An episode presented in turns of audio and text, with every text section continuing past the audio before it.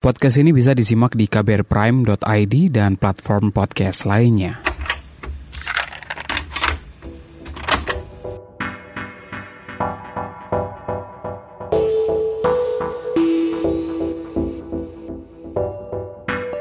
Seingat saya awal tahun 2000-an muncul beberapa karya sastra yang isinya karakter LGBTIQ+.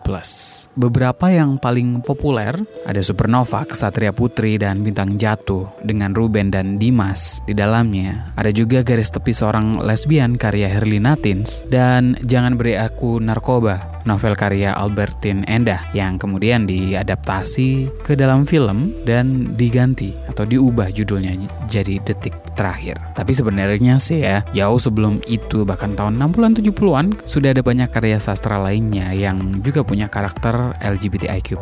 Tapi pertanyaan yang kemudian muncul, apakah itu hanya sekadar karakter saja atau isu utama di dalam karya itu? Pertanyaan lainnya yang juga muncul adalah siapa penutur atau penulis cerita. Sejauh mana dia mengalami apa yang dia tulis. Itu memang jadi penting gitu karena belum banyak teman-teman LGBTIQ+ yang diberi ruang untuk bersuara atau menarasikan ceritanya sendiri. Nah, salah seorang penulis yang saya kenal dan mampu secara elok menyuarakan dan memotret narasi-narasi teman-teman LGBTIQ+ adalah Norman Erickson Pasaribu. Ini kali saya bakal ngobrol bareng Norman. Anda mendengarkan Love Buzz bersama saya, Asrul Dwi. Love Buzz membicarakan perkara yang tidak dibicarakan ketika berbicara perkara cinta.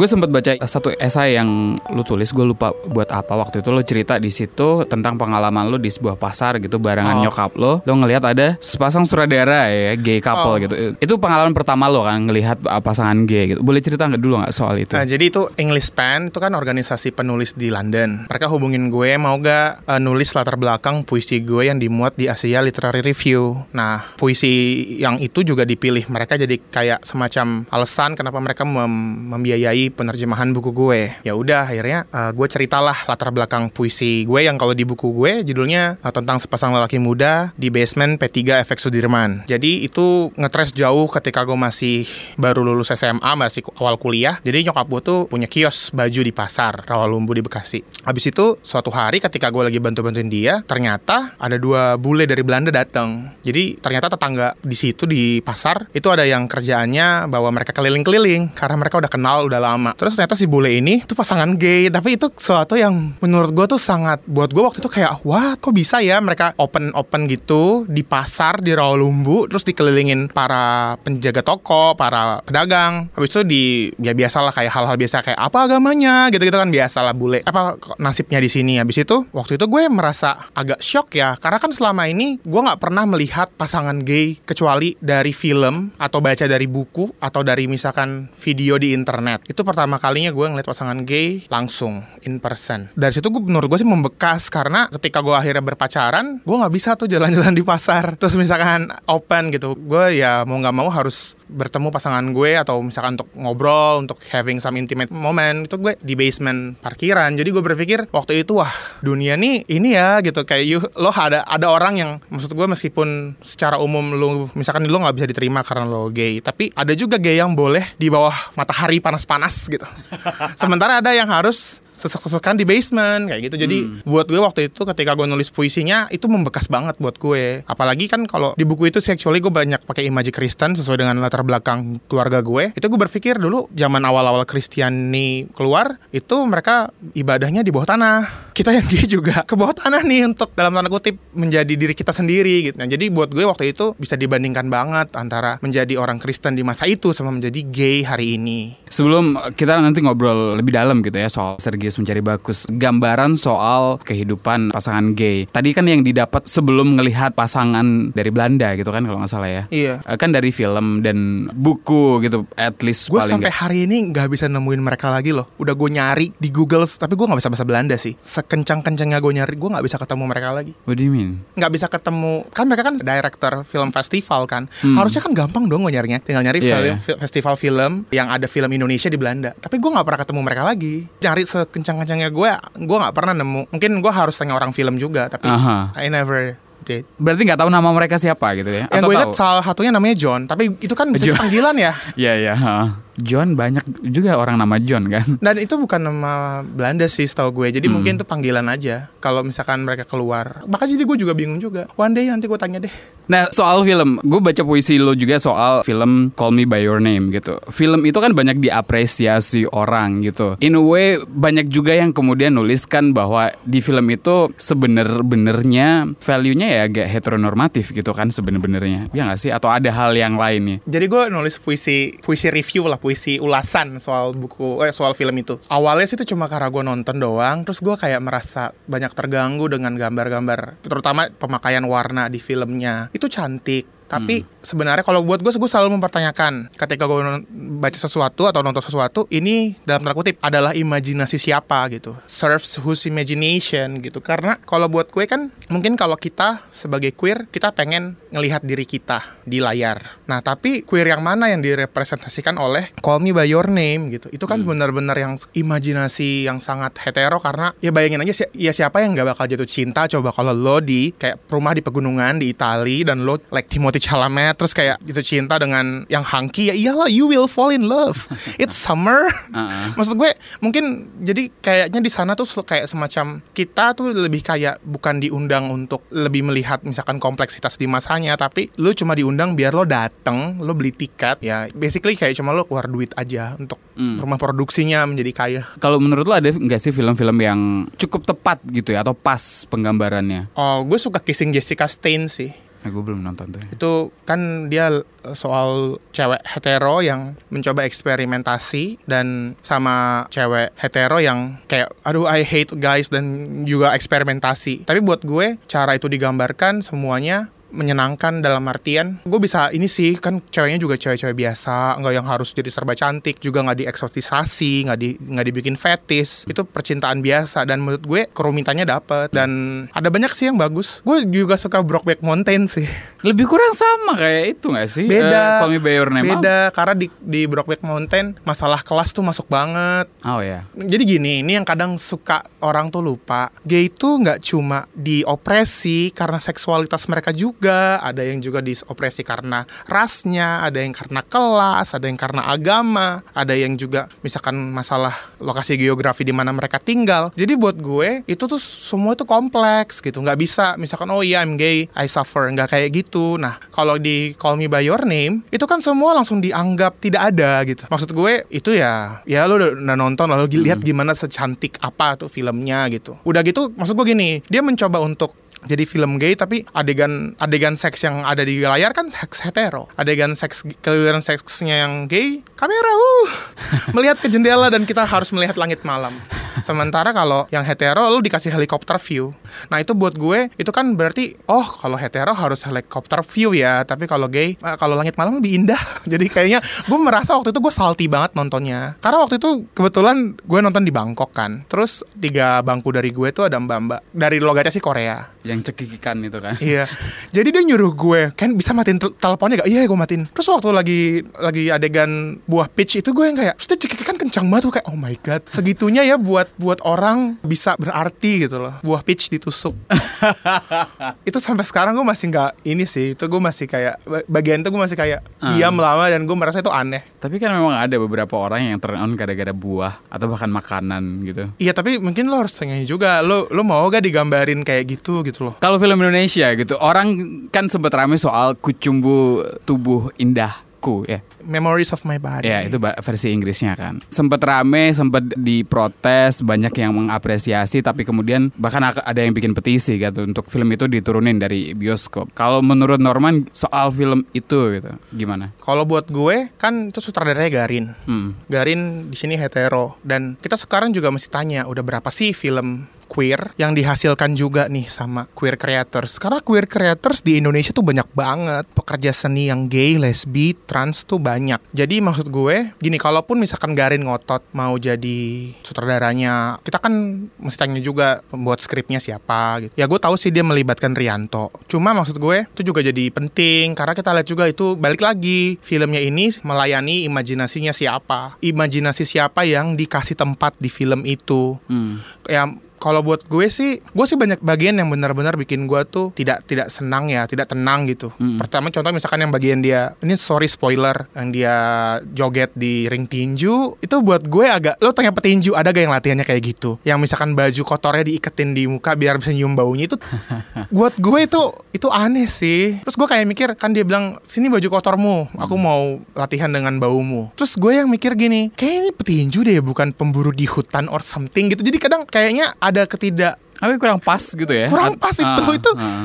itu tuh aneh sih itu jadi kayak sebenarnya cuma demi ag- agar ada yang nari Jawa di ring tinju itu gue masih nggak kebayang loh itu tuh menurut gue scene paling eksotis tahun ini Tapi kan kalau di Indonesia ya, kayaknya mungkin satu dua orang aja gitu queer director gitu yang benar-benar udah publicly stated atau mereka udah coming out publicly gitu. Iya nggak sih? Iya, dan, Dan- gue mengerti itu susah dan gue pribadi apresiasi semua yang dilakuin oleh pekerja kreatif yang juga queer. Dalam maksudnya gue paham negosiasinya tuh sesusah apa gitu. Cuma sekarang balik lagi pertanyaannya, apakah mereka punya akses? Kalau Hmm. peng- mereka pengen melakukan yang seperti Garin lakukan gitu. Karena kan kita juga bicara akses. Kalau gue yakin sih pasti ada kok sutradara queer atau penulis skrip queer yang pengen bikin film kayak Kucumbu Tumbuh Indahku. Cool.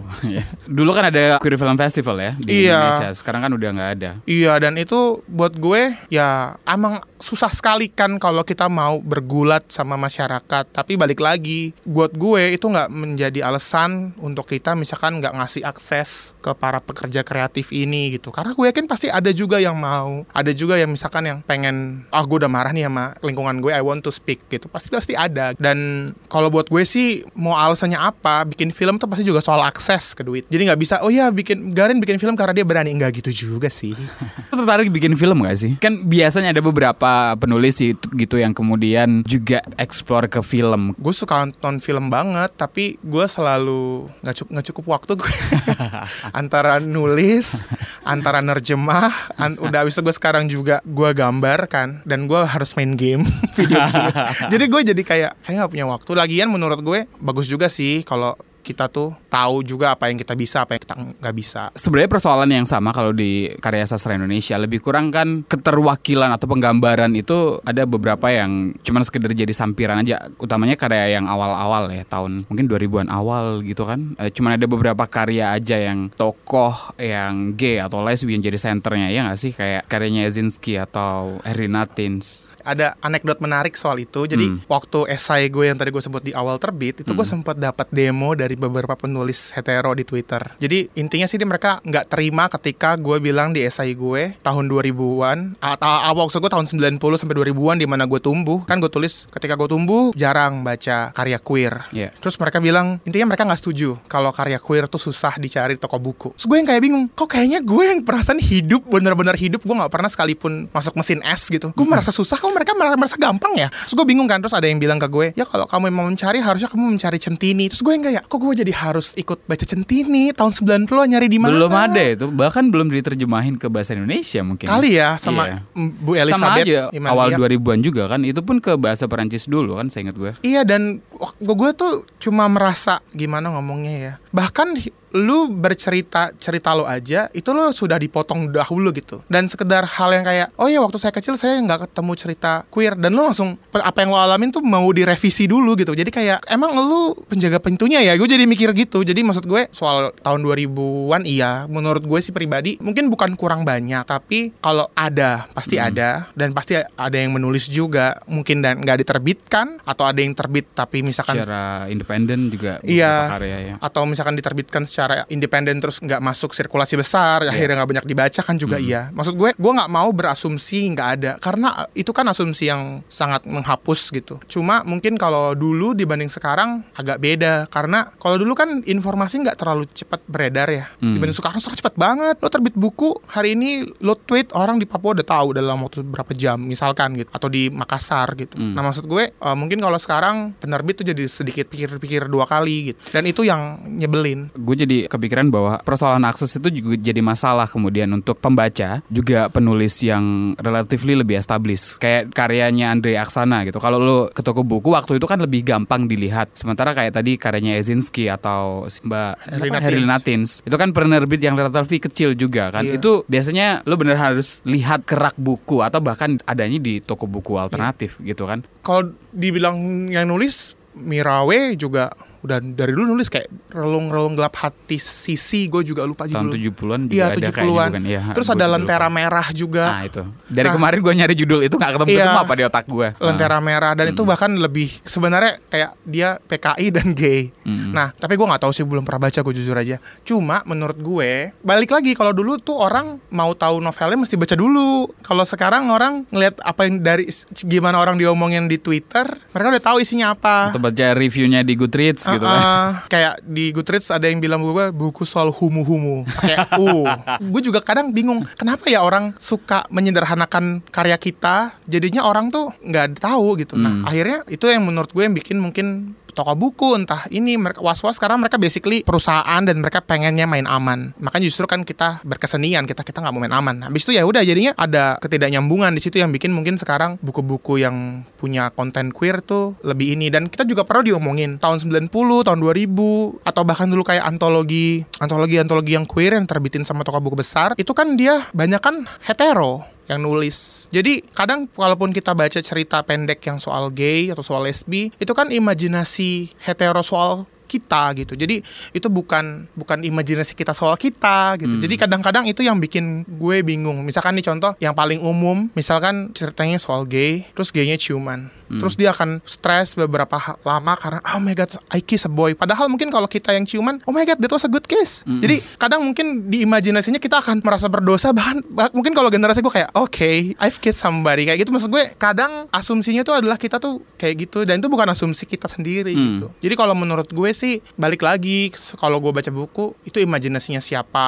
Kalau itu hetero mungkin gue akan jadi pikir dua kali karena gue harus periksa dong gimana itu digambarinya. Apalagi kalau misalkan kalau hetero nanti tiba-tiba dia meninggal Yang sedih-sedih gitu kan biasanya tapi gini, kalau buat gue kesedihan tuh penting karena itu juga meng-acknowledge adanya opresi. Iya. Jadi kalau itu yang nulis queer berarti itu kan otentik. Tapi kan kalau misalkan itu yang nulis hetero itu berarti kan Eksploitatif bisa kayak gitu. Aha. Dan kedua itu juga bisa kan dia jadi kayak semacam preasumsi gitu loh ya. Hmm. Karena lu gay, lu harus menderita gitu loh maksud gue. Karena dia nggak ngalamin kan. Iya, iya, buat benar. dia itu kata-kata. Kalau buat gay itu kehidupan gitu. Jadi Hmm. mungkin buat gue mesti orang tuh juga mesti hati-hati gitu. Kalaupun kalau lo straight lo mau nulis soal queer gitu. Pikir seribu kali. Pernah bersih tegang sama penerbit gitu gak sih soal muatan yang ada di dalam cerita atau puisi yang lo tulis gitu selama ini? Buku gue terbit kan. Iya sih, Ya maksudnya ada kompromi gitu gak sih? Mungkin buku berikutnya.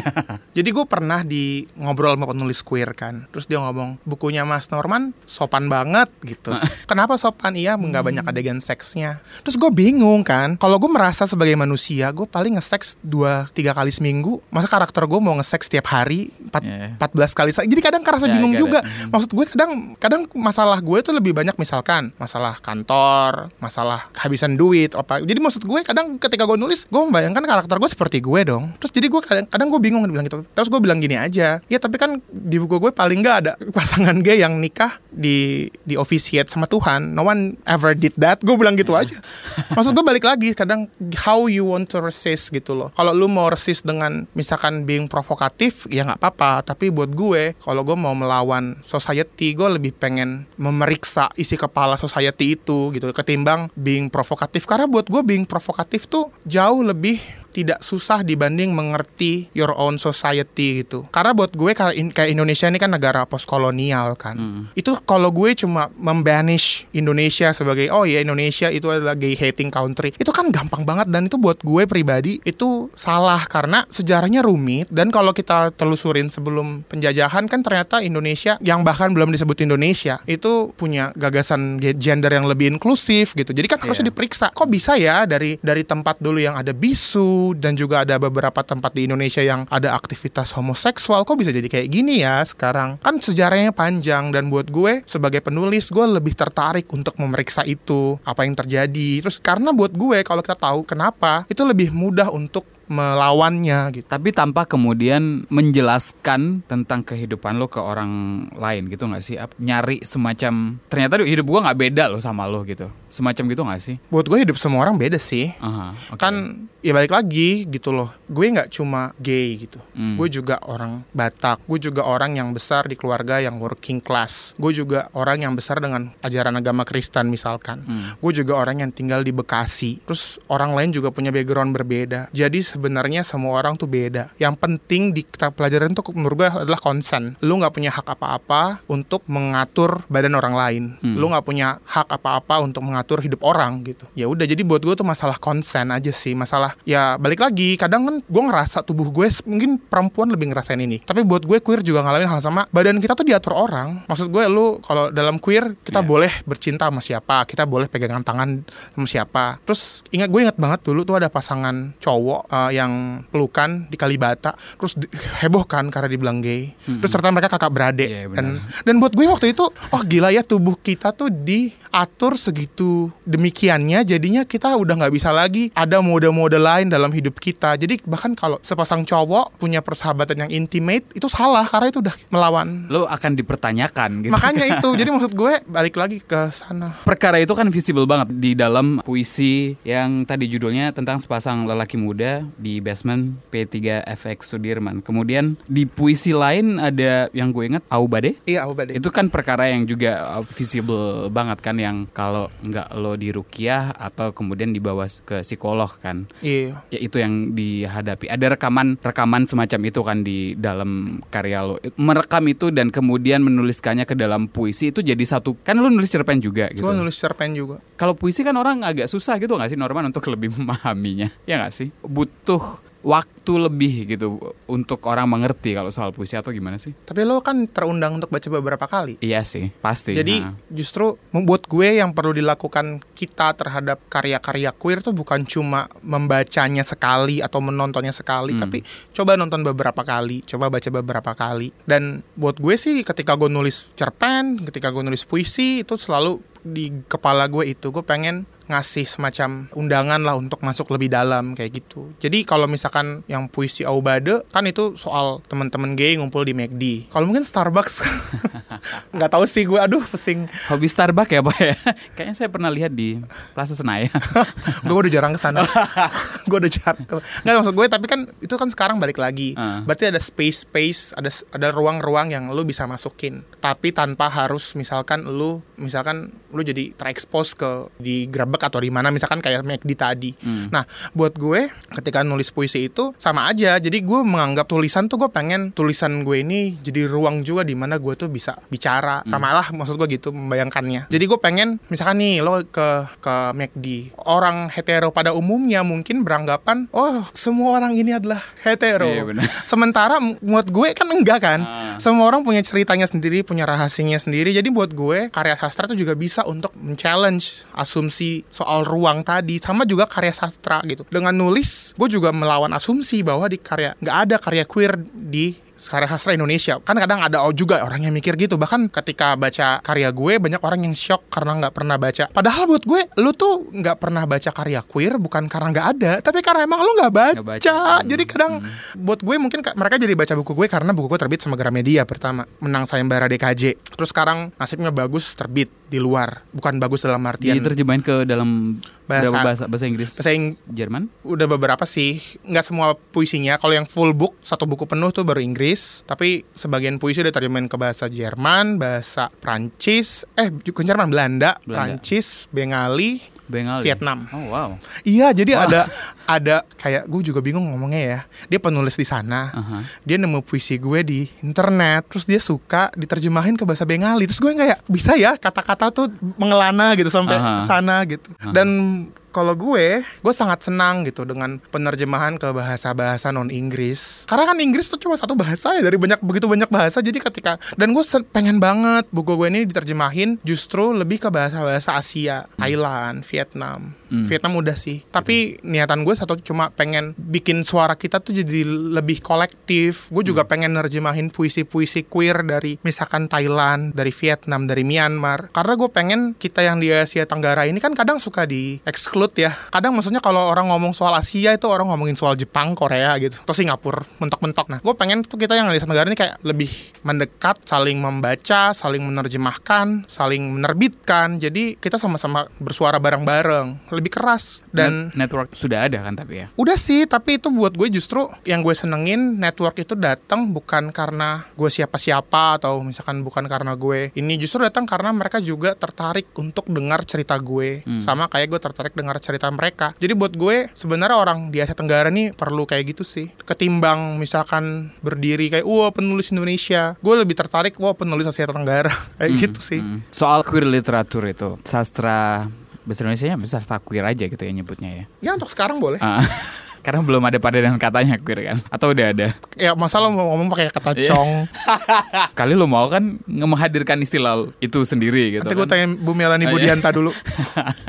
kan lo dibilang sebagai pionir gitu kan. Oh, gue nggak setuju sih. Tapi kan orang udah kadung gitu, ya nggak sih? gue gue juga gue gitu. nggak gue jujur gue nggak suka label itu karena buat gue istilah pionir tuh itu bukan gue nggak pernah klaim itu ya tapi dan gue nggak pernah suka Hmm. itu buat gue menyesatkan itu berarti kan lu menghapus sejarah sedangkan kalau gue ngelihat diri gue tuh gue cuma seseorang aja di garis panjang gitu. Hmm. penggaris gue cuma di CM 27 jadi buat gue cuma gue cuma satu titik gitu. Dan yang gue tertarik sebagai queer gue pengen mencari titik-titik lain di penggaris itu loh. Pengen tahu nih siapa yang nulis. Kayak gini deh kan baru-baru ini gue diminta teman ngedit konferensi kebudayaan Indonesia KKI itu kan sejarahnya udah lama banget ya. Terus kan kemarin 2018 itu kan 100 tahun. Gue baca sejarahnya soal gagasan-gagasan yang disampaikan si X si ini. Terus gue mikir gini di antara mereka ini ada yang gay gak ya? Gitu. Itu kan sebenarnya pasti kan lo lo berasumsi kalau ketika proklamasi dibacain semuanya hetero.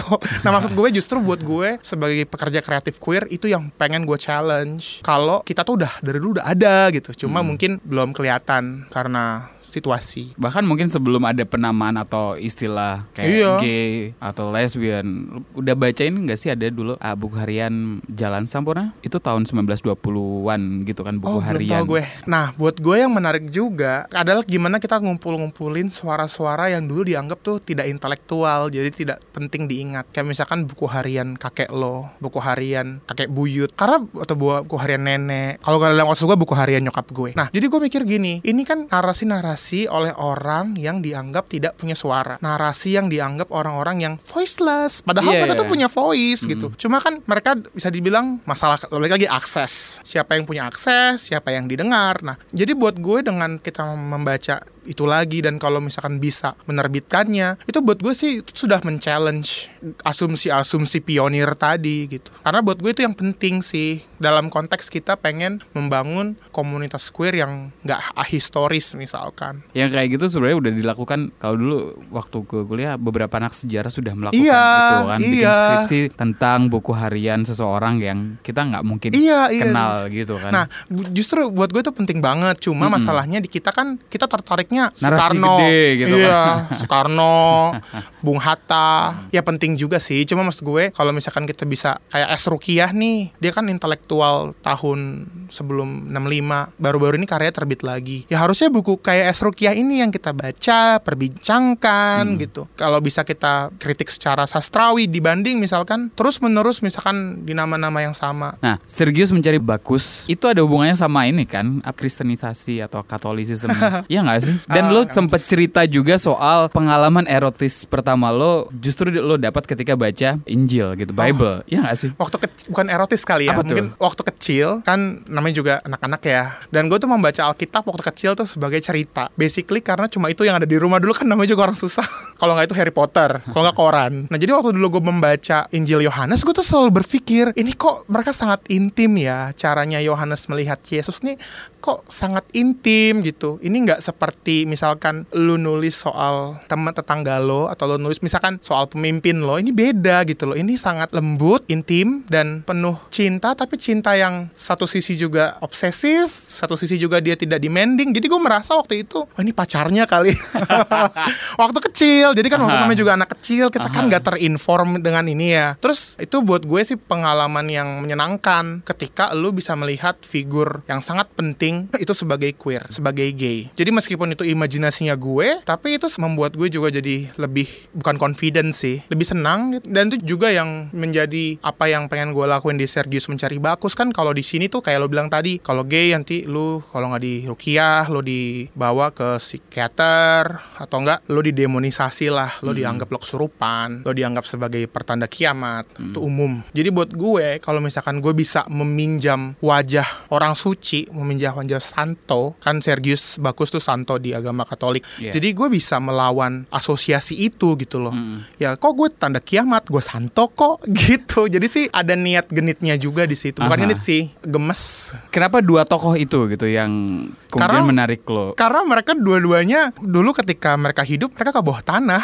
untuk berdoa. Dan jadi gue berpikir itu bisa dibandingkan dengan pengalaman gue sendiri di basement. Jadi gue sempat bilang ke pacar gue kita kayak Sergius sama Bagus ya? Gue bilang gitu. Dan gue kan banyak baca tulisan-tulisan orang suci sama kayak John Boswell dia eh, semacam history teoris nah, habis itu jadi ketika itu kok, kok gue mengalami juga sih apa yang gue baca? Jadi kayak gitu deh intinya. Nah cuma Sergius Bagus tuh kan dia dieksekusi kan karena ketahuan soal agamanya. Nah jadi gue sih berpikir itu bisa dibilang dulu agama Kristen kayak gitu. Sekarang dalam konteks hidup gue agama Kristen tuh eksekutor loh. Jadi gue semacam juga dalam konteks gue dalam hidup gue dan komunitas di mana gue tumbuh itu adalah respon itu juga. Lumayan sering sih kalau lagi khotbah tiba-tiba ada yang ngomong. Bolehlah nggak dibilang sering tapi ketika topik gay diangkat pasti responnya hampir selalu buruk dari pendeta-pendeta di acara kebaktian gitu. Kalau di Indonesia kan agak sensitif ketika lo menghadapkan agama dengan seksualitas gitu ya. Pernah ngadapi masalah enggak sih dengan apa yang lu tulis gitu in the terms of ya itu tadi soal pernah religi. sih. Ah. dari sekedar dari dalam artian DM Facebook ngatain tuh pernah dihina-hina di sosial media pernah. Kalau dulu tuh gue suka depresi juga stres digitu-gituin. Apalagi waktu menang DKJ gue sempat di demo kan di Facebook. Bahkan sempat ada yang bikin puisi gue disalib gue disalib Wah, lu Terus- jadi Tuhan. makanya gitu kan too much kan. Gue disalib terus uh, Allah bapaknya Joko Pinurbo. Tau gak lo just ini gila banget Bunda Maria tebak siapa Siapa? Oka Rusmini Dua-duanya juri DKJ Terus Oh, gue wow. waktu gue baca puisi itu Ada, ada satu lagi juri Michael Johani bertiga Mm. Habis itu waktu gue baca puisinya Gue ngerasa sakit apa ya Maksudnya sampai segitunya gitu loh Mm. Dan kalau buat gue sekarang sih Kayak gitu-gitu emang masih nyebelin sih Mm. Masalahnya gue tuh orangnya peduli sama omongan orang Masalahnya Jadi kadang-kadang kalau Ini orang kenapa sih Tapi belajar untuk tidak mempedulikan itu nggak sih jadinya Eh, atau masih bisa gue. susah ya? nggak bisa belajar kayaknya kali itu. Tapi kalau sekarang menurut gue lebih sehat kalau gue konfront. Ketimbang Hmm. konfront dan konfrontnya nggak under the table. Open open aja di sosial media. Biar dia orang tahu nih. Maksud gue gini kan orang baik tuh di Indonesia juga banyak, Banyak, gitu hmm. dan orang baik yang punya kekuasaan tuh juga ada. Jadi kalau misalkan open openan di sosial media ya lo kan kelihatan nih being homophobic. Orang mana mau? Orang mau maunya kan homophobic di bawah tangan.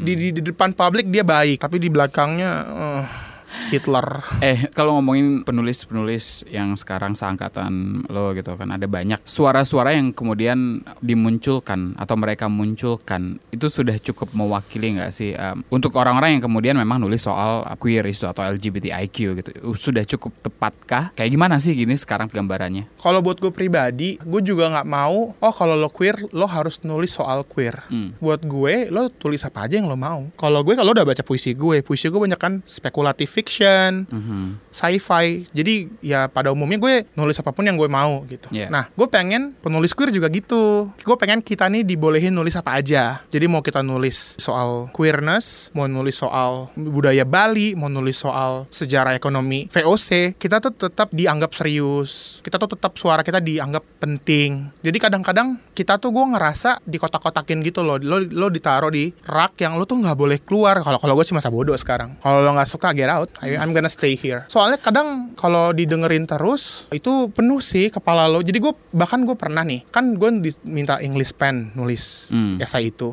Uh, jadi gue pernah ditanyain penulis, kalau nggak lo tulis dong dalam bahasa Indonesia itu. Dalam hati gue, gue ada nulis karya gue dalam bahasa Indonesia, lo baca aja. Kalau ini kan gue diminta esainya, makanya gue tulis. Lagian kalau lo berasumsi orang gay itu nggak bisa bahasa Inggris, lo artinya kolonial bitch. Jadi gue yang kayak, jadi kadang menurut gue itu bukan masalah gimana lo menulis lagi atau berkreasi lagi. Hmm. Tapi gimana caranya lu juga harus kebal lah, bukan kebal sih ya. Lu berani secara aktif melawan stereotyping yang bahkan mungkin hetero nggak sadar. Jadi mereka tuh ngerasa mereka tuh progresif padahal mereka tuh homophobic as shit. Jadi kayak Hmm. itu menurut gue sih kayak gitu. Kayak tadi label soal apa queer literature itu ya, Iya. gitu ya. Itu kan nggak sadar. Hal yang nggak sadar yang kemudian dilakukan. Terus kadang gue juga kayak gini, iya gue nggak bisa relate sama puisinya Norman. Ya lo nggak bisa relate lah, lo hidup terus di hetero bubble lo, lo hidup dengan social privilege yang enak banget gitu. Lo nggak pernah misalkan dikatain karena lo misalkan feminin perawakannya. Lo nggak pernah misalkan dikatain karena misalkan ketemu foto cowok di handphone lo. Kami yang gay tuh adalah lesbian dan trans tuh lebih jauh lebih kompleks di dalam hal itu gitu. Ya iyalah lo nggak bisa memahami apa yang kami tulis. Makanya justru lo tuh mencoba paham, lo baca lagi, lo riset. Menurut gue kayak gitu. Kan kalau gaya hidup heteroseksual tuh udah sangat visible di Indonesia. Hmm. Jadi kita yang gay tuh lebih mudah lah paham. Tapi kan gaya hidup kita, cara kita hidup yang queer, gimana kita harus bernegosiasi sama masyarakat itu kan jauh lebih kompleks. Apalagi misalkan, misalkan ya lu gay dan lo tinggal di Madura dan lo Islam. Gimana coba lu menegosiasi itu kan ribet kan. Kalau lu nggak paham suatu karya sastra, ya itu bukan berarti karya itu jelek atau penulisnya gagal. Itu bisa aja lu sebagai pembaca, lu belum siap untuk membaca karya itu. Jadi gue selalu menganggap karya queer ini kayak karya terjemahan. Kalau lo baca karya sastra dari Maroko, apa iya lo akan paham langsung sama konteks sosial? Kan enggak. Iya, benar. Lo mungkin gak, kan nggak tahu ibu kotanya apa atau siapa presiden ininya. Maksud gue itu artinya lo harus riset dulu karena kadang tuh orang suka malas gitu loh. Jadi sebenarnya mereka malas tapi kayak aku nggak suka gitu. Mungkin buku lo terlalu kompleks. Ada teori ekonomi di dalam situ juga kan. Ada satu puisi kan. apa- Ya apa? kan selama ini apa? gue yang Lupa gue. selalu harus pusing berpikir. Gue pengen pembaca gue yang pusing ber Kalau hidup itu biaya apa sih biaya atau gue lupa judul puisinya apa? Uh, Ah. judulnya pemba- pembukuan berbasis akrual. Ya, itu gue juga jadi inget kan zaman sekolah dulu teori ekonomi kayak gitu. lo IPS dulu. Iya dong. Soal representasi itu, tapi kemudian kalau sekarang gitu ya, lo jadi ngerasa penulis paling nggak kan eh, dikenal orang kan juga followernya banyak, eh, pembacanya banyak gitu. Berapa puluh? Canda.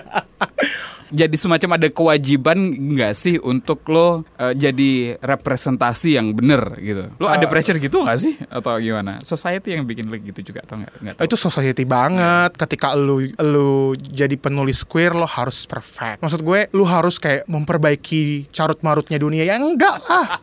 Kadang yang gue nggak suka tuh gitu. Jadi kayak kadang misalkan kalau misalkan itu mas-mas dan dia ngaco, kita punya kecenderungan ya mau gimana lagi. Kayak gitu kan. Boys will be boys. Tapi kalau misalkan itu cewek atau itu queer, ketika kita punya platform, orang tuh kayak nodong di leher kita. Kalau lu nggak nggak perfect, lu gue tembak. Jadi kadang gue ngerasa sekarang kalau misalkan gue dapat demand kayak gitu, gue masa bodoh aja sih. Kalau hal itu ya. Kadang-kadang menurut gue, I- gue udah doing my best, tapi orang keep demanding sometimes. Jadi ya dalam konteks itu, gue nggak suka sih dilihat sebagai representasi queer. Karena kalau gue dilihat sebagai representasi queer, itu sama aja gue udah nutup pintu kan buat teman-teman queer lain yang juga kreator. Gue lebih suka gue representasi diri gue sendiri aja gitu. Cuma lu kalau lu mau tahu hidup orang lain, lu baca karya lain gitu. Kalau lu mau tahu gue, teman-teman terdekat gue gitu. Ya boleh lah bisa dibilang komunitas gue. Gue cuma nggak mau jadi the voice, gue mau a voice.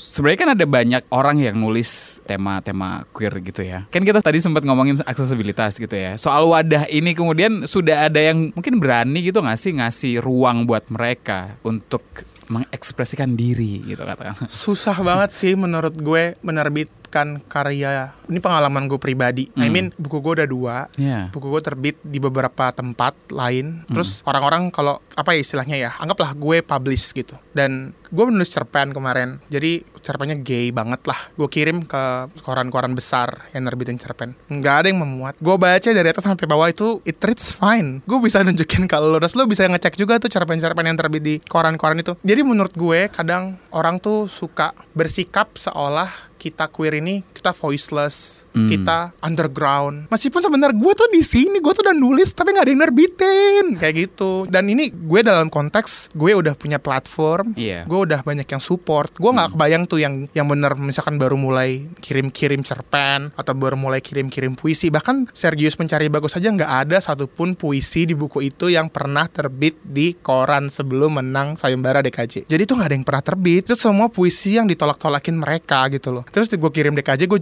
juara satu kan so aneh ya. Terus gue jadi mikir sendiri awal ketika gue kirim ditolakin semua nggak ada yang bahkan nggak direspon. Apa memang gue nggak bisa nulis ya? Tapi ketika gue menang gue mikir oke mungkin gue bisa nulis sedikit tapi jurnal-jurnal ini ngaco semua. Jadi menurut gue ya karena balik lagi yang penjaga gawangnya tuh cowok gitu hetero hidup mereka tuh secara sosial udah lebih aman. Lo orang mereka misalkan ngaco-ngaco aja kita pasti ah ya udahlah pasti gitu. Jadi balik lagi kalau kita ngomong soal akses kita juga bicara soal penjaga gawang, soal gatekeepers. Siapa yang menjadi filter gitu. Kalau misalkan lihat koran-koran, lo catatin satu-satu nih. Misalkan Kompas siapa, koran Tempo siapa, itu cowok semua, hetero semua. Jadi imajinasi yang muncul di situ ya imajinasinya mereka. Jadi kayak koran Tempo itu tuh pernah ada cerpen yang terbit tuh soal cowok yang setelah berhubungan seks berkali-kali akhirnya menyadari kalau ceweknya tuh punya penis. Terus gue yang kayak astaga ini transfobik banget. Jadi gue yang kayak imajinasi itulah yang boleh masuk ke koran gitu. Jadi buat gue itu yang harusnya juga dibicarakan dan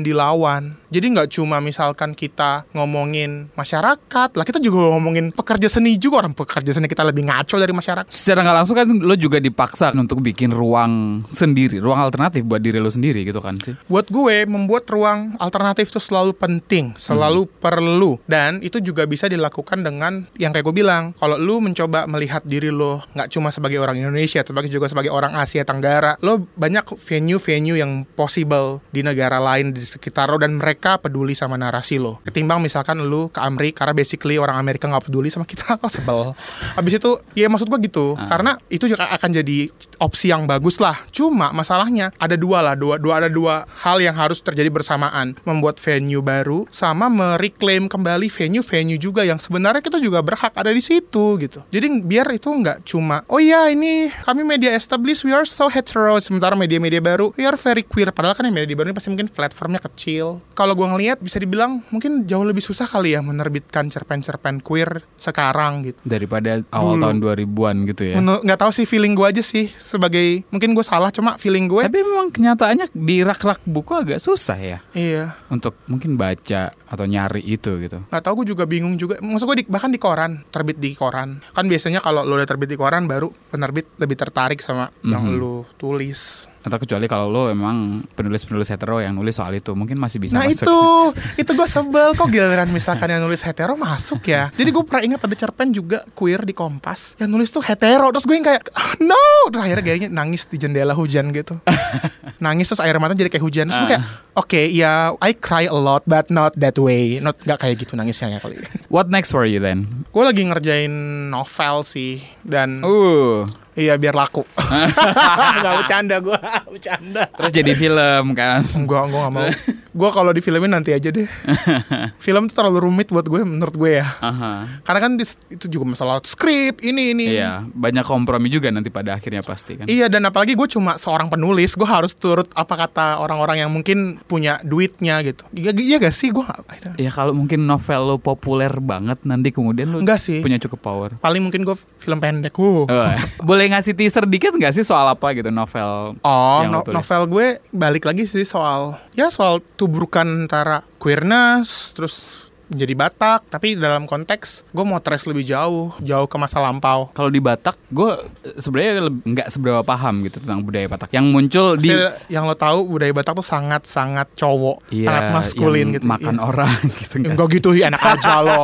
Itu asumsi yang sangat kolonial. Lo pasti sudah baca kan soal LGBTIQ gitu. Udah. Seksualitas gitu. Kalau di budaya Batak seperti apa sih zaman dulu? Ya kalau menurut ya terima kasih terhadap penjajahan jadi kita nggak banyak tahu nih sama latar belakang kita sebelum penjajahan karena kan nggak dicatat atau nggak terbakar atau nggak hilang atau nggak udah diambil sama British Museum. Iya.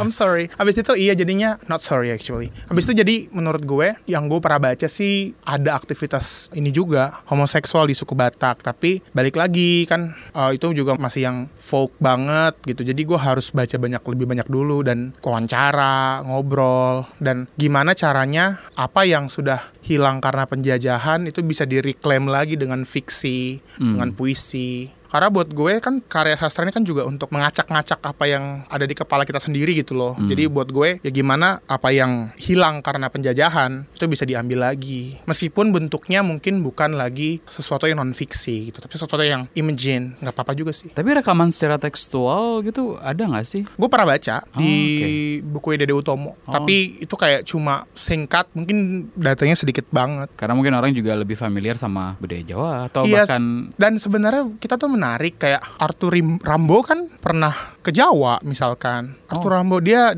barangkali penyair Prancis paling besar dan dia gay Aha. dan dia pernah ke Jawa. Ada yang menulis Jamie James, tapi maksud gue itu nggak jadi sesuatu yang kita bicarakan di sini. Bahkan penulis kita mungkin nggak banyak membicarakan itu. cinta menurut Norman apa? Oh my god, Eh cint apa?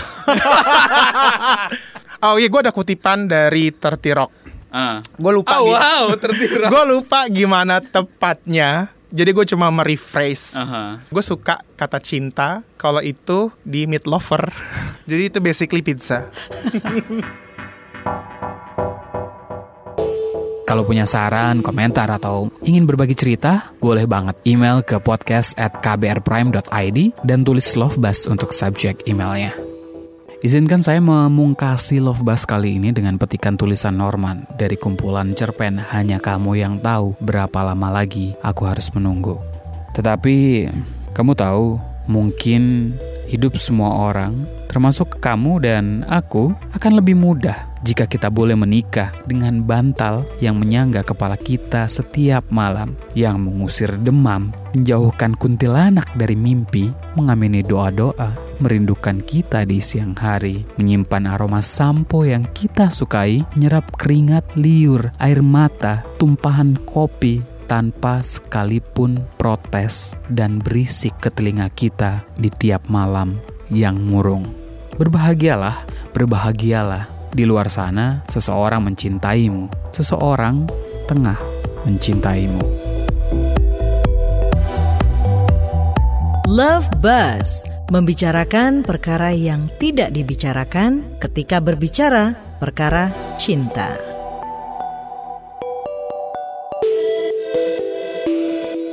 Kunjungi kbrprime.id untuk menyimak beragam podcast lainnya dari KBR.